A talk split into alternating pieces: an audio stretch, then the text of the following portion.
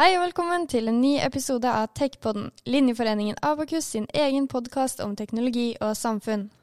Ja, og her i Techpodden ønsker vi å se eh, nærmere på aktuelle temaer innenfor data og informasjonsteknologi. Eh, og vi hører eh, hva representanter fra næringslivet har å si om disse, og kommer med noen av våre tanker om hva det har å si for fremtidens teknologer, hvis folk hang med på det. Mitt navn er Anna Solitveit, og jeg studerer tredje klasse kommunikasjonsteknologi. Og jeg heter Hallis Borgen og studerer tredje klasse datateknologi. Og i dagens eh, episode av Tekpoden skal vi se nærmere på eh, digital kontroll og avhengighet. Og det vi legger i det, er jo eh, altså hvor avhengig vi har blitt eh, som forbrukere eh, av skjermen. Eh, og mangel på kontroll over hvor dataen din ligger og hva den kan bli brukt til, rett og slett. At det er jo bare et Ja, jeg har null kontroll, jeg, faktisk. Ja, jeg også kjenner at jeg mangler litt kontroll. Ja. Og til å besvare alle våre spørsmål om akkurat dette her, så har vi fått med oss Eirik Kvalheim, manager i Netcompany. Hei til deg, Eirik. Hallo. Ja, Eirik, kan du forklare litt mer hva managerrollen din går ut på? En managerrolle i Netcompany er kanskje liksom typisk en slags mellomledersak. Eh, det er litt personavhengig òg, hva man vil eh, gjøre som manager. Eh, det er en mer, en mer generell, en mer generalistretning så jeg er ikke en spesialist på å kode. Um, men jeg har en, en litt mer uh, tverrfaglig rolle som kombinerer teknikk, uh, koding og disse tingene her, men også med mer administrative og prosess, metoder, uh, salg lite grann, og også kundeutvikling. Ja, og det er det vi syns er så kult med å ha deg her i dag, at da har du på en måte et ganske helhetlig bilde av temaet og hvordan både forretningen er, og teknologien og Menneskene. hele pakka. Ja. Mm. ja, og velkommen skal dere være til en ny episode av Techpodden.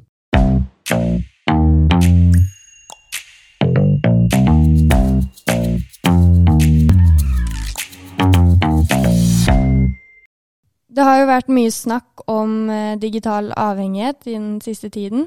Uh, og en ting jeg lurer litt på, Eirik, er uh, hvordan var det det her med digital avhengighet faktisk startet? Kan du, kan du, si noe om det? Jeg kan jo prøve å si det jeg, eh, mitt inntrykk av det, med noen historiske kilder som jeg ikke kan stå 100 inne for, men jeg har det i hvert fall i hodet. Og det er, det er jo kanskje Facebook som er den første Eller det Facebook, da, som det het først, i 2004-ish. Um, ganske tett etterfulgt av uh, iPhone. Uh, og hvis noen har sett den avdukningen holdt jeg på å si, av iPhone som Steve Jobs gjorde, så tror jeg ikke det er et ord, er kanskje et lite ord, jeg er usikker om apper i det hele tatt. Det handler om å ringe og sende meldinger. Egentlig en iPod med ringefunksjonalitet. Men det er jo to litt interessante ting som eh, vel smelta sammen når man fikk AppStore, apper eh, Alle begynte å ha telefonene med seg overalt. Eh, hvordan blir du avhengig av noe, helt generelt? Altså Har du det du er avhengig av i lomma, så bruker du det jo. Um, hvis du i tillegg får uh, Kanskje ikke helt gjennomtenkte tanker, men du får veldig flinke teknologer til å lage systemer som er brukervennlige, som uh, gjør at du føler deg bra, i hvert fall et sekund eller to. Um, og perfeksjonerer dette, etter hvert drar med seg både psykologer og andre, så har man en ganske kul ja, Kul, det får jo noen andre bestemme, men i hvert fall en litt uh, kraftig synergi da, mellom en device som du kan ha med deg overalt, og en type applikasjoner som appellerer til det vi mennesker er helt avhengig av uansett, og det er kontakt med andre. Mm. Tror du at eh, det her var på en måte baktanken, hvis vi går ti år tilbake, når vi egentlig startet med disse nye applikasjonene og sånn? Ja, jeg, jeg, det jeg tror eh, Jeg er usikker, selvfølgelig, baktanken til alle. Det er sikkert veldig mange som var med på dette her fordi det var nytt og kult. Og, altså, det er nytt, det er teknologi. Eh, man kan bruke kunnskapen sin på noe som man Eh, det ser ut som setter mennesker i kontakt med hverandre. Eh, man kan få tak i gamle venner. Det var jo veldig mye sånt Facebook ble brukt til i starten. altså man, man hm, hvem, Jeg har ikke sett personen A siden jeg var tolv år. Jeg lurer på om hun er på Facebook eller han er på Facebook. Ja. Og så kom man plutselig i kontakt med hverandre. Um, ja, jeg kan legge ut bilder fra et vorspiel. Uh, uansett om det er 50 bilder fra at jeg sitter i sofaen med to andre, så var det superinteressant. På, jeg vet ikke hvorfor, men det var det sånn. Jeg kan tagge en kompis i et, uh, et bilde han så ja, ganske latterlig ut uh, i, da, f.eks., og dele det til noe jeg tenkte den gangen var en lukka, et lukka nettverk av mine nærmeste. Ja. Um, de som lagde dette, om de allerede da tenkte at A, vi skal tjene enorme mengder penger på å bruke dette som en type annonseplattform. Mm. Uh, og B, vi skal få omtrent hele verdens befolkningen på denne greia her. Um, usikker hvor langt de hadde tenkt.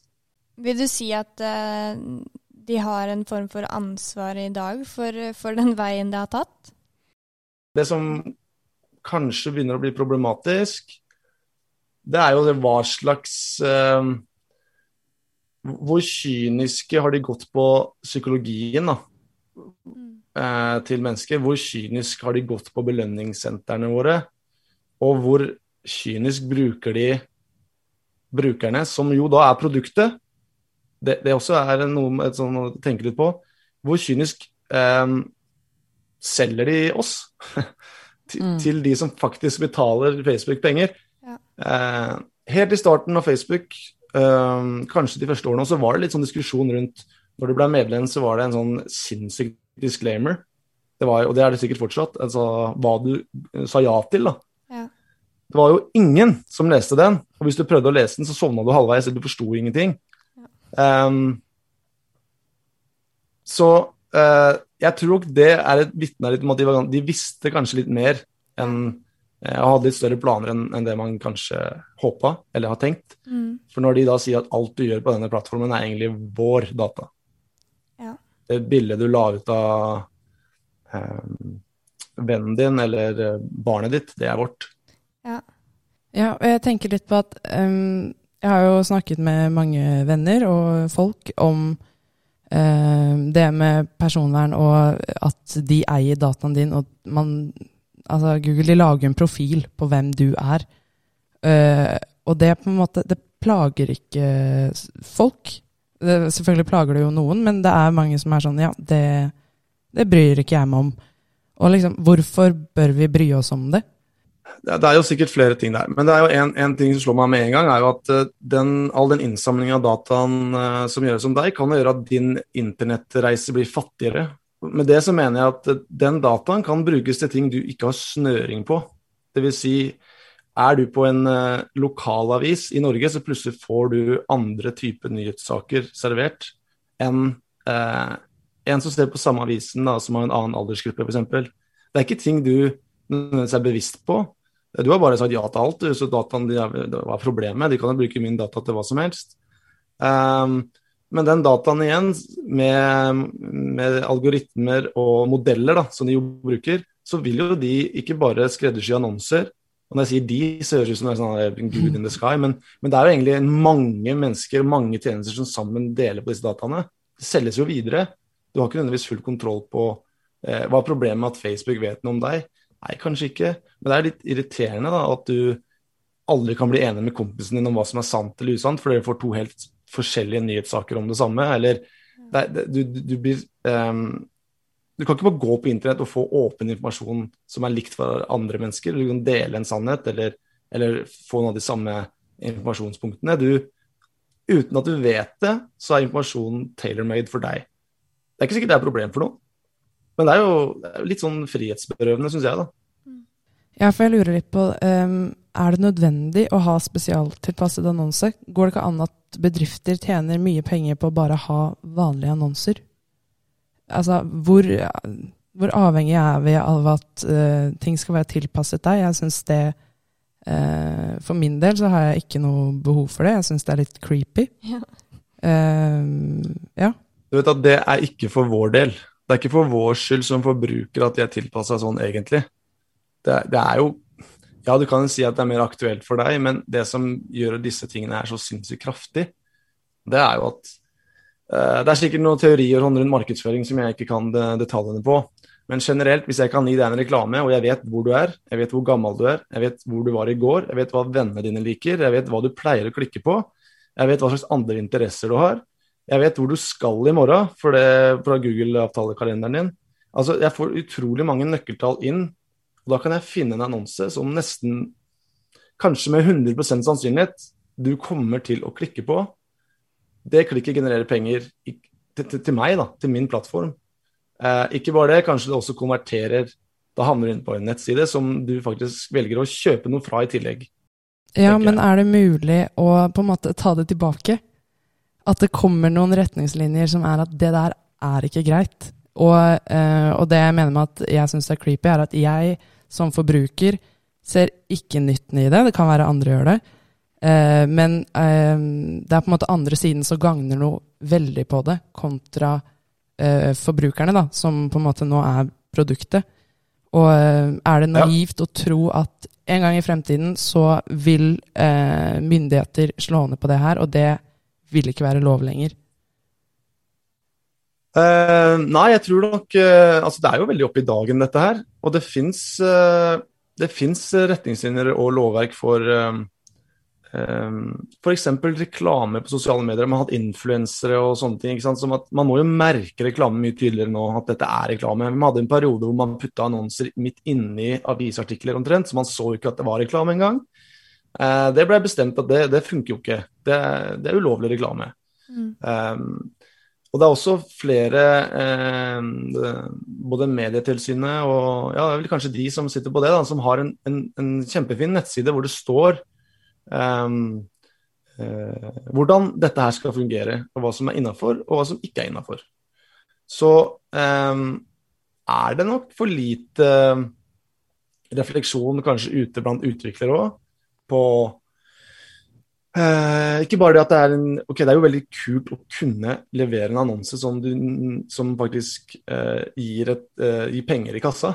Altså Featuremessig så er det utrolig powerful, det er kraftige greier, men impacten over tid eh, den er kanskje, kanskje, ikke like bra. Eh, er den skadelig? Eh, er det avhengighetsskapende? Um, ja, det er jo helt sikkert det også. Men jeg tror det er viktig å tenke på at um, lover og regler det kan ikke løse alle problemer i verden, men det er viktig at ting som over tid nå, etter hvert som man kommer lenger i, i prosessen med disse forretningsmodellene og ser litt mer kritisk på det, det fins også en del initiativer som vi kan komme tilbake til, da, som som faktisk ser etter i sømmene hva er det disse folka driver med, og hvordan bruker de disse dataene. Um, men jeg tror det er viktig å være uh, reflektert over impacten når du er teknolog. Så reguleringen må jo komme som et samarbeid mellom teknologien og forbrukerne. Uh, og, og, og, staten er jo selvfølgelig en viktig del. Siste innspill på det er at dette er internasjonalt òg. Uh, hvem regulerer hvem, og hvordan, og hva, og hvordan funker dette?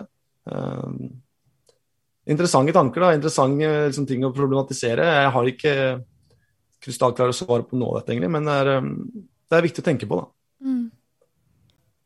Hvor mye vil du si at det reflekteres over i, i konsulenter som f.eks. Netcompany? da? Um, jeg, jeg, kan jo, jeg kan snakke for Netcompany, og i Netcompany så har vi jo, eh, vi har jo policies, altså retningslinjer og code of conducts, og vi har også eh, det, altså det, gjelder jo både enkel, hver enkelt ansatt, selvfølgelig, hvordan man oppfører seg. Mm. Um, men det gjelder også sånne ting som uh, um, at vi har visse retningslinjer for, no, retningslinjer for noe som heter OECD, eh, som gjelder for store selskaper. som går på, Det involverer selvfølgelig ting sånn som korrupsjon og konkurranse og skal være fair. Um, men vi har jo ikke et eget, eget rammeverk, etisk rammeverk som skal eh, spesifikt si hva slags oppdrag vi går for eller ikke går for. Men, men, det man gjør, det er at man vurderer jo disse oppdragene i lys av våre interne retningslinjer. Og hvis vi ser at um, hvis vi er i tvil om at, om at, disse kan bli ivaretatt med denne kunden dette oppdraget, så, vi ikke, så, tilbyr vi ikke tjenester til, til, kunden. Men la oss si at uh, jeg er nyansatt utvikler og jobber for et konsulenthus, og så skal uh, vi lage um, pop-ups og annonser uh, som er spesialtilpasset for unge mellom 13 og 18. da. Der pop-upsene går inn på f.eks. slankeprodukter, eh, proteinpulver for eh, retta mot unge gutter som skal bole, eller blogger eh, som promoterer plastisk eh, kirurgi. Det vil jo være De samme reglene vil jo da gjelde, vil det ikke det? Og det er jo eh, noe jeg ikke hadde vært komfortabel med. Nei, og der er det der, Det finnes regelverk på reklame, jeg kaller det for reklameloven. holdt jeg på å si. Så det, er jo, det er jo mange regelverk som gjelder i Norge på hva som er uh, lovlig ulovlig reklame. Vi kjenner jo til at du kan ikke reklamere for alkohol. Uh, ikke sant? Det er, det, er, en del ting som man ikke skal reklamere for. Det er også retningslinjer på reklame spesifikt i f.eks. sosiale medier, um, som jo er det som treffer de unge kanskje er mest uh, i teorien iallfall skadelig, fordi at det treffer de aleine rett på mobilen i, sånn, uten filter. Um, hvis du kan spisse den reklamen hvis det er mellom 13 og 18 år, da, så du begynner å bli bekymra for uh, innholdet i den plattformen uh, Vi har laga en plattform. Uh, innholdet vi server her nå, det gir meg dårlig magefølelse. Så er det jo et naturlig sted å starte. Vil jo sjekke er, er det lovlig. Altså, er det lovlig reklame vi driver med? Hvis ikke de gjør det, så er det jo Dette går det må, det er jo Da bryter vi jo loven. Det er straffbart. Uh, OK, det er lovlig. Ja, hva er neste steg hvis du er utvikler på dette prosjektet? Uh, bryter vi noen interne retningslinjer da, som kanskje er hakket under lover? Føles, det, har vi noe kodifisert språk i våre, i våre kontrakter eller noe som sier at dette skulle ikke systemet brukes til? kan det være. Um, så må man gå stegene, og til slutt så sitter man igjen med den personlige, sin egen personlige overbevisning.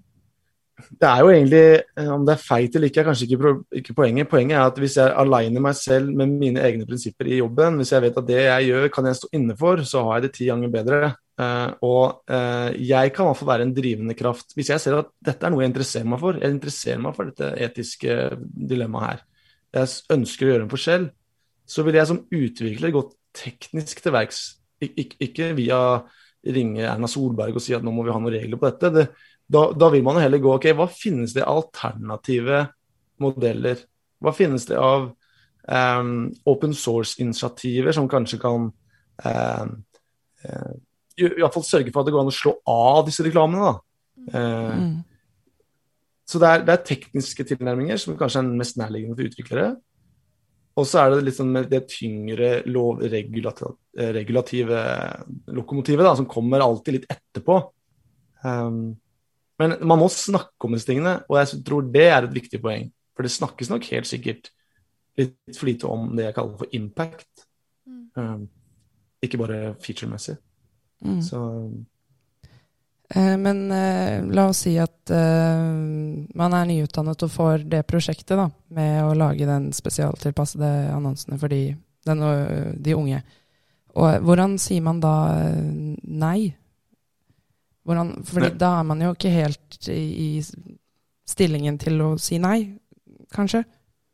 Nei, det kan være kjempevanskelig, det.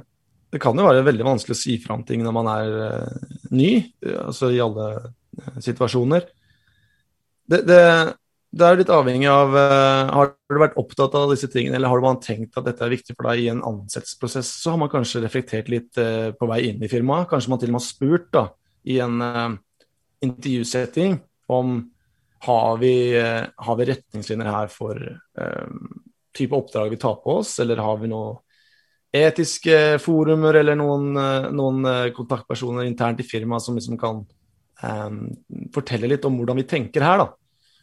Um, og hvis du har det, uh, eller uansett egentlig om man har det eller ikke, så har, har man instrukser eller rutiner på å uh, type whistleblowing, da, hvis man sier at dette her er jo Jeg ønsker anonymt å si fra. For det kan være en fin ting å, å gjøre. altså Anonymt. Jeg trenger jo ikke å flagge her er navnet mitt og slå meg brystet og dette er helt crazy. Jeg har lyst til å gi en anonym varsel, og da er noen med mer senioritet um, som står litt tryggere i organisasjonen, som kan komme og uh, følge opp det varselet. Og HR-avdelinger og sånn er jo i større og mindre grad uh, ganske I Netcompany er de fantastisk flinke.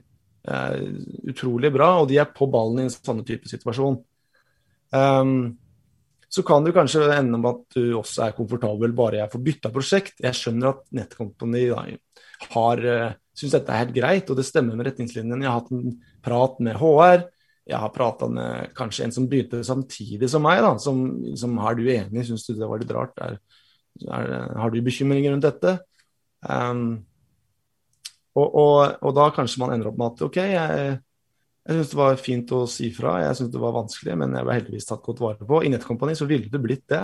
Um, og så får vi komme over et annet prosjekt. Mm. Uh, har du overskudd og lyst, så er det masse du kan sikkert gjøre i tillegg da etterpå. Um, om det er å ha en uh, kanskje en tech-talk som handler om etikk da, i et prosjekt, istedenfor den teknolog teknologien. Um, eller involvere seg i andre initiativer. Men um, det er jo på en måte ikke utviklerens skyld. altså Man må være forsiktig med å ta på seg hele verdens ansvar også.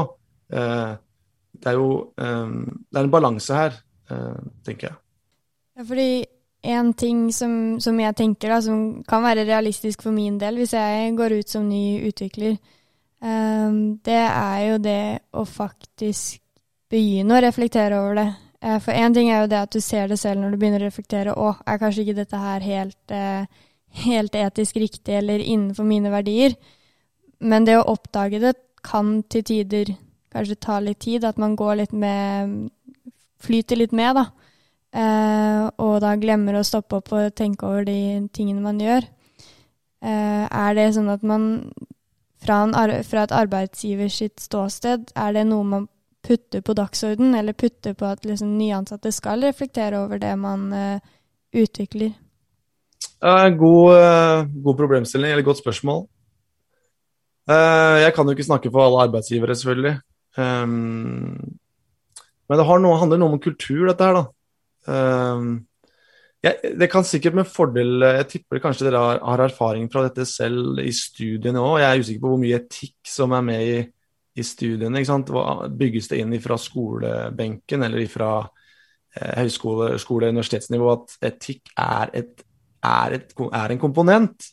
Eh, jeg tror det er lite av det. Eh, og det, det, flyter selvfølgelig over i bransjen også, altså når man er ute i jobb. Eh, det er kanskje modent da, for å utfordre litt eh, planer og læreplaner og hva som man skal ha med i, i eh, i teknologi eller i datateknologiutdanningen og sånne ting. Da. Fordi hvis ikke du er litt hvis ikke du reflekterer litt, så sitter du fort og lager systemer som um, er nye. Og nye ting har ikke alltid etikken på plass. Uh, så um, når jeg gikk på skolen, så var det klassisk eksempel. Jeg hadde et etikkfag i lys og utdanning, og da var det å simulere uh, det å rive bygninger. Så du skal sprenge en bygning, og hvis eh, eh, simuleringen vi nå har koda eller programmert er feil, så vil den eh, vi vil plassere dynamitten feil, og bygningen vil bare hoppe 200 meter til venstre og treffe noen mennesker. Altså x antall konsekvenser av dette.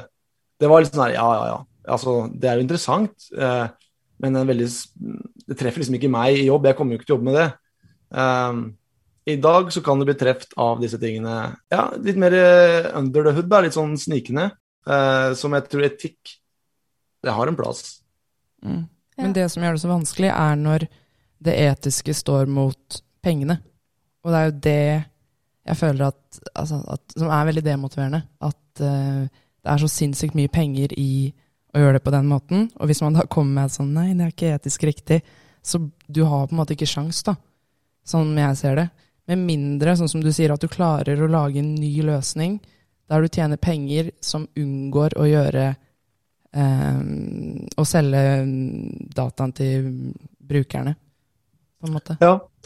Man har jo noe som ligner litt. Det er liksom oljebransjen versus det grønne skiftet, liksom. Ja. Um, ok, alle vet at uh, olje er det, er ikke, det gjør både det ene og det andre, og vi, vi har en litt kjip situasjon der. Men du kan ikke bare regulere det bort. Vi er jo helt avhengig av det. Tar vi ikke olja, så kunne ikke vi sitte og gjort det vi gjør nå. Vi hadde ikke hatt det. Det hadde ikke gått. Uh, vi må jo ha både energi og biler, og det er så mye som er avhengig av det. Um, men måten å fikse det på delvis er selvfølgelig å få det ned, men det er også at det grønne skiftet faktisk begynner å tjene penger. da. Mm. At, man, at, det er liksom For da får du Hvis du klarer å slå sammen etikk og penger, da har du løst det sånn som du sier, Aldis. Da, er det, da, vil, da vil de haiene som syns det bare vil tjene penger, eh, kaste seg på. Mm. Eh, du kan skatte det, så staten kan ta inn penger. Og du kan få med deg eh, ikke de, selvfølgelig de mest ekstreme, for de er jo aldri fornøyd. Det er jo alltid sånne ekstreme på begge sider, men du får med deg mm, riktig nivå av etikk, da man vet at dette er riktig, det føles bra. Mm. Mm. Jeg er litt keen på å komme inn på det med um, rabbit holes. Ja, altså vi kan begynne å tenke litt, uh, bli litt enige om hva vi mener det er, da. Um, jeg, jeg, tenker at vi mener at rabbit, et rabbit hole er fra forbrukersiden.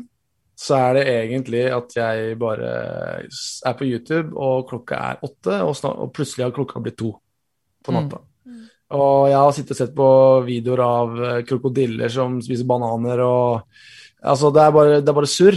Eh, tenker jeg etterpå. Men en, jeg var i en rabbit hole. Det jo, kan være morsomt òg, det, for all del. Du, bare klikker deg. Du er på oppdagelsesferd. Uh, og så er det kanskje litt andre typer rabbit holes. Altså, det er det samme, kanskje, men du, du får en nyhetssak opp, og så klikker du videre, og så klikker du videre, og så plutselig sitter du på en side som sier at uh, ja, noe, kanskje noe politisk ganske ukorrekt, f.eks. Eller ja, man har fått beskjed om at jorda er flat, og her er x antall argumenter for det. Mm. Eh, noe av dette er drevet av andre mennesker, f.eks. via Reddit, forumer. Og, man, man linker og snakker. Det er jo andre mennesker som feeder inn. Kildene er all over the place. Mens en del av dette er jo eh, en konsekvens av forretningsmodellene til eh, de plattformene vi sitter på. Mm. Um, og det er kanskje der vi eh, Det er kanskje det som er kanskje mest nærliggende å se litt nærmere på, da. For vi kan jo ikke styre hva folk poster på Reddit, tenker jeg. I, i hvert fall i mindre grad. Men hvordan er det disse modellene aktivt dytter deg inn i Eller tar tiden din, da, og plasserer deg på en skjerm, eller foran en skjerm. Um, og så er man, uansett hvordan du vrir og vender på dette, så er man jo litt ansvarlig sjæl for sine egne rabbit holes du må, Hvis du vet at du er svak for visse typer ting, hvis du vet at uh, jeg klarer ikke å sitte på YouTube, uh, eller hvis jeg går på Instagram så er jeg låst i to timer, så kan det jo være en idé å sånn bygge det inn i din egen hverdag. da. Um, sånn at i Rabbit, så, du, du, trenger ikke være et offer for liksom, en del av de mekanismene, selv om det krever litt. da. Tror du det er noe som i fremtiden kommer til å være et argument mot nettopp det med tilpassede annonser og tilpassede data som blir servert deg, at konsekvensene kan være så store at det med at eh, befolkningen får forskjellige nyheter og får opp forskjellige ting på internett, at det kan skape splid? Altså sånn tenker jeg egentlig politisk, da. Det har vel vi sett eksempler på allerede, egentlig. Um, med ja, rigging av valg og bruke eh, Facebook aktivt til å targete Altså det å slå, matche brukere og content, da. Mm. Eh, som kan dra folks eh, oppfatning av virkeligheten i to, helt, to, eller tre eller mange vidt forskjellige liksom, veier. Da.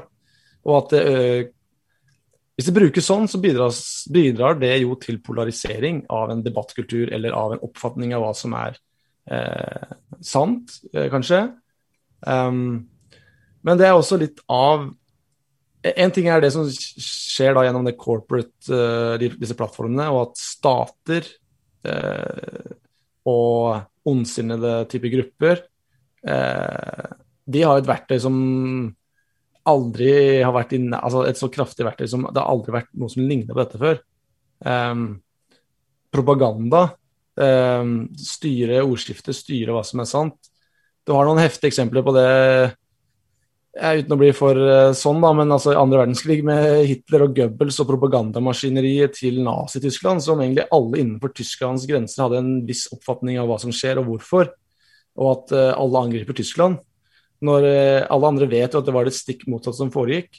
Det er på nasjonalt nivå, hvis man klarer å få Og de jobba jo da hardt med sine propagandamekanismer. Tenk, tenk om de hadde hatt de, disse motorene som vi har i dag um, ondsinna uh, Med ondsinna liksom uh, Ja, et forsøk da, på bare faktisk styre hvordan uh, folk skal oppfatte hvordan verden er, eller dagsordenen, hvordan dagsordenen ser ut. Det er kanskje mer skummelt det, å gå ned den veien, enn å diskutere hvordan det brukes på annonser. Um, mm.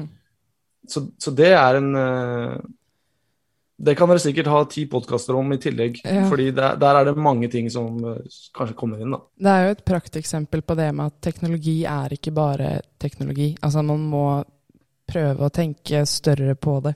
Ser man på det sånn som du la det fram nå, så uh, kan det jo bli ganske gæli, rett og slett.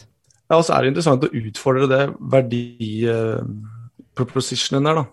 Hvorfor er det så sykt bra å gi forskjellige nyheter til eh, folk basert på eh, profilen eller hvem de er, eller profileringen deres. Det er jo tross alt litt ålreit å ha en eh, se eh, Lese den samme avisa som naboen. Jeg, jeg tipper at i de fleste tilfeller så er det ikke sånn at de fjerner saker, men de dytter de kanskje litt ned, da dytter noen opp. Mm. Kanskje det er greit, kanskje det kan være interessant. Jeg ville aldri i verden klikka på den saken der uansett. Så hvorfor skal den komme øverst? Eh, det er sikkert kanskje greit. Um, men hva om, hva om noen aktivt bruker dette, da? For å sette Jeg, jeg skal, jeg skal fader ikke slå sammen kommunen vår. Fordi uh, se på nyhetene jeg får i denne delen av kommunen, og så har lokalavisa en helt annen nyhetsbilde uh, i motsatt uh, ende av kommunen. Så blir det sånn derre det, det, det, er jo ikke noe verdi. Det, er jo bare splid. Um, men teknologien er der, så da er det plutselig utviklere da, som har gjort dette mulig. Har du noen tips til eh, oss som forbrukere eh, på hvordan man skal eh, ikke bli avhengig og passe på personvernet sitt? Eh, ja, vi kan jo prøve å tenke litt, da. Det er også Du har jo eh, altså ok, Vi kan se på sånne tjenester som finnes. altså Slettmeg.no. altså Har du lyst til å fjerne deg eller få deg Jeg vil vekk fra Facebook, jeg vil ut av disse plattformene så er jo slettmeg.no sikkert et sted man burde besøke. Um, du har også selvfølgelig um, både nettlesere og forskjellige initiativer man kan ta i bruk. Uh, extensions, add-ons og sånn, som hjelper deg med litt sånn privacy-ting, da. Uh, en, en, mye brukt uh, søkemotor, og som også har sånne extensions, f.eks. The Chrome, er noe som heter DuckDuckGo, som jo er um, Jeg tror de, hadde, de har over 100 millioner søk om dagen. Populær søkemotor. Um, det er verdt å sjekke ut. Det er også noen som heter Brave, som er en nettleser som uh, hjelper deg litt da, med dette her. Um, og så er det jo Nå er vi litt over på sånn uh, det er vanskelig å være bombastisk å si at uh, gjør sånn. For det er jo sånne vanlige grep som hvis man går på helsesidene til Norge, NHI eller hva det er for noe, så finnes det jo sant, saker på er du, er du avhengig av smarttelefonen din. Um, så er det ting man kan selvfølgelig gjøre der. Men litt sånn digital minimalisme er liksom eh, kanskje noe som eh, er litt i vinden igjen. Jeg merker at dere også er litt opptatt av det. At eh, pendelen nå har vært gått veldig langt, og den skal bare bruke teknologi, bare kaste, bruke alt mulig rart. Og jeg ukritisk eh, bare laster ned sosiale medieapp eh, 1, 2, 3, 4, 5, liksom. Eh, men som, som, alle andre ting, eh, hvis du, hvis, du, faktisk merker at du har noen, noen poisons Det er noen ting her som ikke er helt bra for meg så ville jeg, vil jeg, tenkt å kanskje finne ut av det. Um, jeg har Jeg kan si hva jeg gjør. Altså, jeg har ikke um, push-varsler, står er av konsekvent. Sånn at uh, jeg må inn uh, på en app for å Jeg må selv ville gå inn. Jeg blir ikke dratt inn. Det gjelder også jobbmail og sånne ting. Uh, jeg er nok inne på den mailen fra før, så um, jeg trenger ikke å ha på push-varsler. Og så har du jo um, Altså det å ta pauser da fra den telefonen, flymodus, eh, slå flymodus på natta, liksom. Hva skal du med den telefonen da? Enkelt for meg å si. Helt annerledes som sitter i koronaen og har ikke sett et menneske på fem måneder, så skjønner jeg at, er, at du er kontaktsøkende. Så derfor er det sånn um, Hvordan folk skal gjøre det, det må de finne ut av selv. Det har jeg ikke lyst til å si ting. Men, men triksene, eh, tipsene, um, det er å um, du kan google det selvfølgelig, men DuckDuckGo og en del av disse eh, tjenestene som hjelper deg med privacy, er lurt. Hvis du slutter å trykke på like og du slutter å trykke på recommendation, så eh, kan du selvfølgelig gjøre det. Jeg vet ikke om det funker i lengda, liksom. Det er litt sånn herre eh, uh, vanskelig. Men, men, å kjenne sin egen svakhet, da, eh, må jo være uh, verdifullt. Og så siste liksom sånn, som Jeg er ikke noe ekspert på dette, men klarer man å, å leve litt uten at den egenverdien din da, skal dikteres av feedback gjennom disse plattformene, og klarer man å tenke litt at det kanskje ikke er det beste for deg. Mm. Helt enig, det var veldig bra sagt. Sånn eh, avslutningsvis, eh, Eirik. Eh, har du, for det er jo en del eh, som vi håper som lytter på denne podkasten, som eh, kanskje ender opp som utviklere, da. Og da er jo en del av disse temaene vi har vært innom ganske, ganske aktuelle. Har du noen tips for, eh, for de? Ja, um, skal vi se. Altså du har jo um, som, som, utvikler generelt, så er det jo kanskje en, en fin ting å stikke innom um, f.eks. facebook.com slash business, eller å gå på Google Analytics og se litt på hvordan forretningene deres fungerer. Hva er det de egentlig selger? Eh, og, og, da kan man også begynne å eh, reflektere litt og se hva er det mediehusene i Norge gjør. For de har informasjon om dette på nettsidene sine, de også. Man kan jo google growth hacking og litt sånne markedsføringsforretningsmodeller og se litt på hva det er, sånn at du faktisk er oppmerksom hvis du møter det eh, i, i, i, arbeidslivet. Og så er det jo um, og så må jeg si at Personvern og sånn står jo allerede veldig sterkt. Datatilsynet har bra nettsider hvis man er interessert i personvern.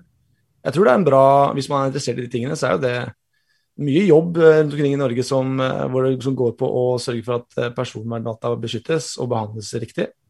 Um, og så har man kanskje litt mer sånn andre det var noe som heter Solid, som egentlig er et initiativ fra MIT, som eh, jeg tror jeg nevnte tidligere i podkasten at det, det, det, det, tar en litt sånn ny approach til din egen data og prøver å bygge eh, en safe eh, som du styrer.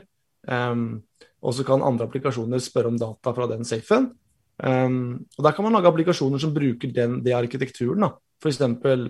hvis du er eh, helt crazy, så kan du jo kanskje lage Facebook 2, da, som gjør det, bruker denne tingen, tingen isteden, eh, med en annen forretningsmodell.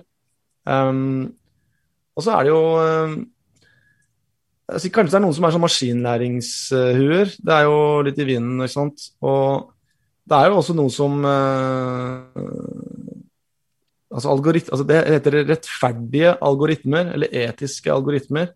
Um, det kan være verdt å lese seg litt opp og bare se hva det er. Eh, fordi i maskinlæring så kommer det mer og mer, det blir diskutert mer og mer at det er så mye data, det er så store modeller at har du en liten bias, eller dataene som kommer inn i modellene, hvordan algoritmene fungerer, eh, er så komplekse mm. at eh, små feilmarginer i dataene kan føre til eh, Jeg kan få store konsekvenser.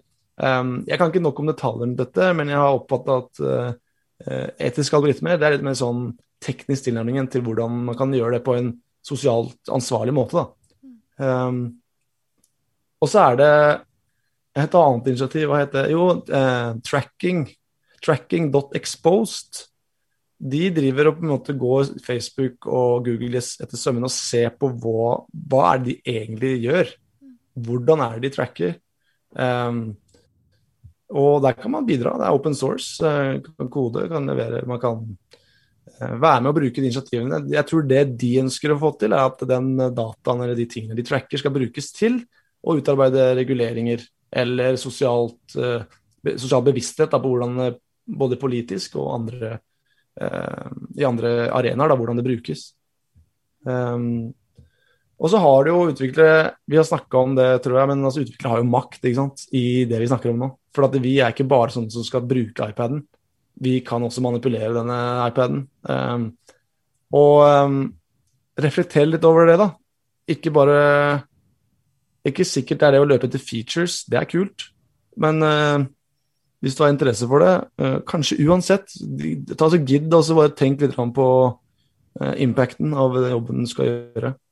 Um, og hvis du syns det er sykt kjedelig, så så eh, er for så vidt det greit, men da eh, regner jeg med at du er eh, aleine av deg selv, med at du er komfortabel med jobben du gjør, og du kan forsvare eller argumentere for deg selv at jeg syns det er helt greit å lage disse styringssystemene til den raketten her, eller jeg har ikke noe problem med å lage avhengighetsskapende teknologi. Det er opp til folk å bestemme Uh, det er bare å la være å bruke det. Altså, du har jo de statementene der. De er, de er lov, det er lov å si det. Um, men det stopper jo litt til, da, kanskje, refleksjonen. Mm. Veldig bra tips, og tusen takk for at du har vært med oss i dag. Det Jeg har lært uh, masse. Jeg òg. Ja, men Så kult. Det var veldig gøy å få lov til å være med. Det er spennende. Det er sånne temaer som ikke har noe svar eh, ofte. Mm. Um, jeg tenker at uh, det er veldig kult at dere tar det opp, og at det er verdifullt å, å bare prate om disse tingene, og så se litt hva man, hva man føler. Og så finnes det helt sikkert folk som er mye mer faglig tyngde enn meg på en del av de tingene vi har vært innom, som kunne sagt mye sikrere kanskje hvor grenser går og sånn. Så du må jo ta mye av det jeg har sagt med Det er en blanding av anekdoter og, og uh, erfaringer. Men selvfølgelig også visse kilder som jeg dessverre ikke kan dokumentere alltid. Men, men det er en veldig kul samtale. og setter veldig pris på at jeg fikk lov til å komme. Så må jeg jo avslutte med å huske på, jeg må jo nevne at uh, nå er jo Nettkompani også i Trondheim, hvis noen er interessert. Og hvis folk har lyst til å ja, finne ut av mer hva vi driver med, så kan de bare, bare ta kontakt. Det er, eh, det er, masse jobb der ute, og vi prøver å tenke litt på etikk også.